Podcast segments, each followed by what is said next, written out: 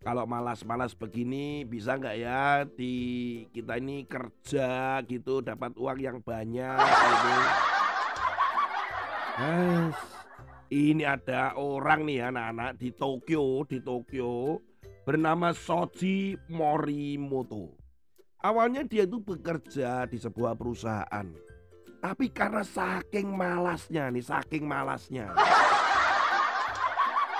Dia itu diejek, tidak bisa berbuat apa-apa. Ya memang orangnya malas sekali.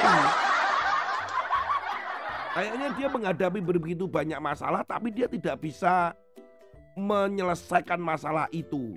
Yaitu kemalasannya itu mestinya dia berani untuk menyelesaikannya. Tetapi malah dia mengatakan bahwa ya ketidakmampuannya dia, kemalasannya itu itu adalah bakat yang baik.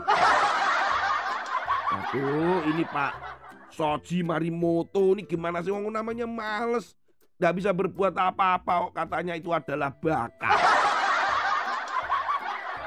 Sehingga Pak Soji Morimoto ini berencana menjual bakat malasnya itu. Masa laku?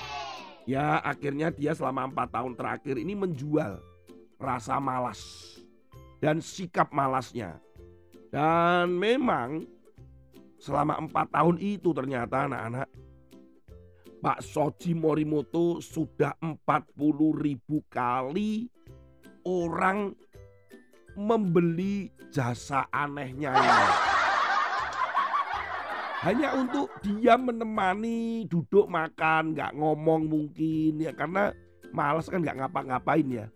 Bayangin untuk satu jam saja dia meletakkan atau meminta tarif setidaknya 10 ribu yen. Itu satu jam ya 10 ribu yen. Atau kalau dirupiahkan itu adalah satu juta empat puluh delapan ribu. Kok ya ada loh orang kok mau dengan Pak Soji Morimoto ini. Ya ngapain cuman dia mengeluarkan satu jam mengeluarkan satu juta, dua jam dua juta.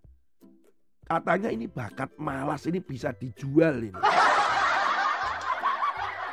Anak-anak, ternyata di Jepang ini banyak orang-orang yang juga bermasalah. Tetapi penyelesaiannya ya mencari teman. Waduh kasihan sekali ya. Ngomong-ngomong nih masalah ini nih kita mau belajar sesuatu. Bahwa ketika kita menghadapi masalah ya, masalah anak-anak itu macam-macam loh. Bisa jadi prestasi, nilainya yang jelek, merasa di, diabaikan oleh orang tua, perselisihan dengan teman, wah macam-macam ya. Tapi yang Tuhan mau setiap masalah-masalah yang kita hadapi karena manusia ini tidak lepas dari yang namanya masalah. Jadi kita tetap harus bangkit. Ya bangkit. Kita harus minta kekuatan dari Tuhan. Firman Tuhan di dalam Amsal pasal yang ke-24 ayat yang ke-10. Jika engkau tawar hati pada masa kesesakan, kecilah kekuatanmu. Masa kesesakan itu adalah permasalahan-permasalahan yang kita hadapi atau anak-anak hadapi. Ujian, ulangan, mungkin terjadi perbedaan pendapat dengan temanmu, mungkin dengan orang tuamu, hubungan dengan keluarga, begitu ya. Ini masalah nih tantangan. Tapi kalau jadi tawar hati, tawar hati itu artinya jadi kita tuh seperti dikalahkan oleh masalah itu. Jadi kita malah jengkel, kita tidak mau menyelesaikannya. Kita malah menyalahkan orang lain. Itu menjadi tawar hati anak-anak.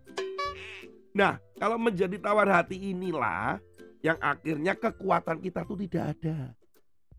Makanya para peneliti yang akhir-akhir ini Kak Tony baca artikelnya atau Kak Tony dengar. Banyak katanya anak-anak itu di masa setelah pandemik atau semakin hari teknologi makin maju. Ternyata banyak anak-anak yang disebut sebagai mager. Malas gerak. Seperti nggak punya kekuatan. Karena begitu ada masalah, ya sudah mau ngapain. Tidak ada atau tidak punya fighting spirit. Atau sebuah semangat untuk menghadapi dengan segala kekuatan menghadapi masalah. Nah, anak-anak yang mendengarkan AIM ini atau renungan suara ini, Kak Tony percaya kalian tidak seperti itu. Kalian adalah anak-anak yang hebat, anak-anak yang kuat, anak-anak yang berani menghadapi apa pun yang sedang kalian alami. Kenapa? Karena Yesus bersama dengan engkau. Yesus akan menolong kamu. Yesus akan menuntun kamu. Dia akan menyelamatkan kamu dan melindungi engkau. Hadapi, jangan terus kemudian males. Lu Kak Tony tadi males aja dapat duit. Eh, sampai kapan? Duh, sudah empat tahun Kak Tony. Iya maksudnya ngapain? Karena dia diminta oleh orang-orang yang juga sama-sama bermasalah. Itu masalahnya.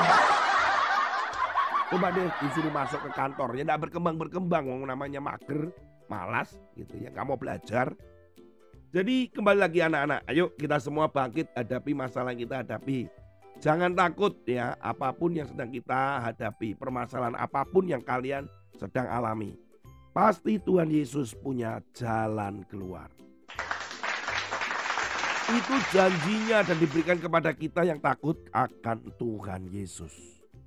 Tetap semangat, tetap berharap dan bersabar, serta mengandalkan Tuhan dan jangan lupa berdoa. Tuhan yang memberkati. Sampai ketemu lagi dengan Kak Tony pada periode. Eh kok periode? Episode. periode. Episode yang lain. Amin.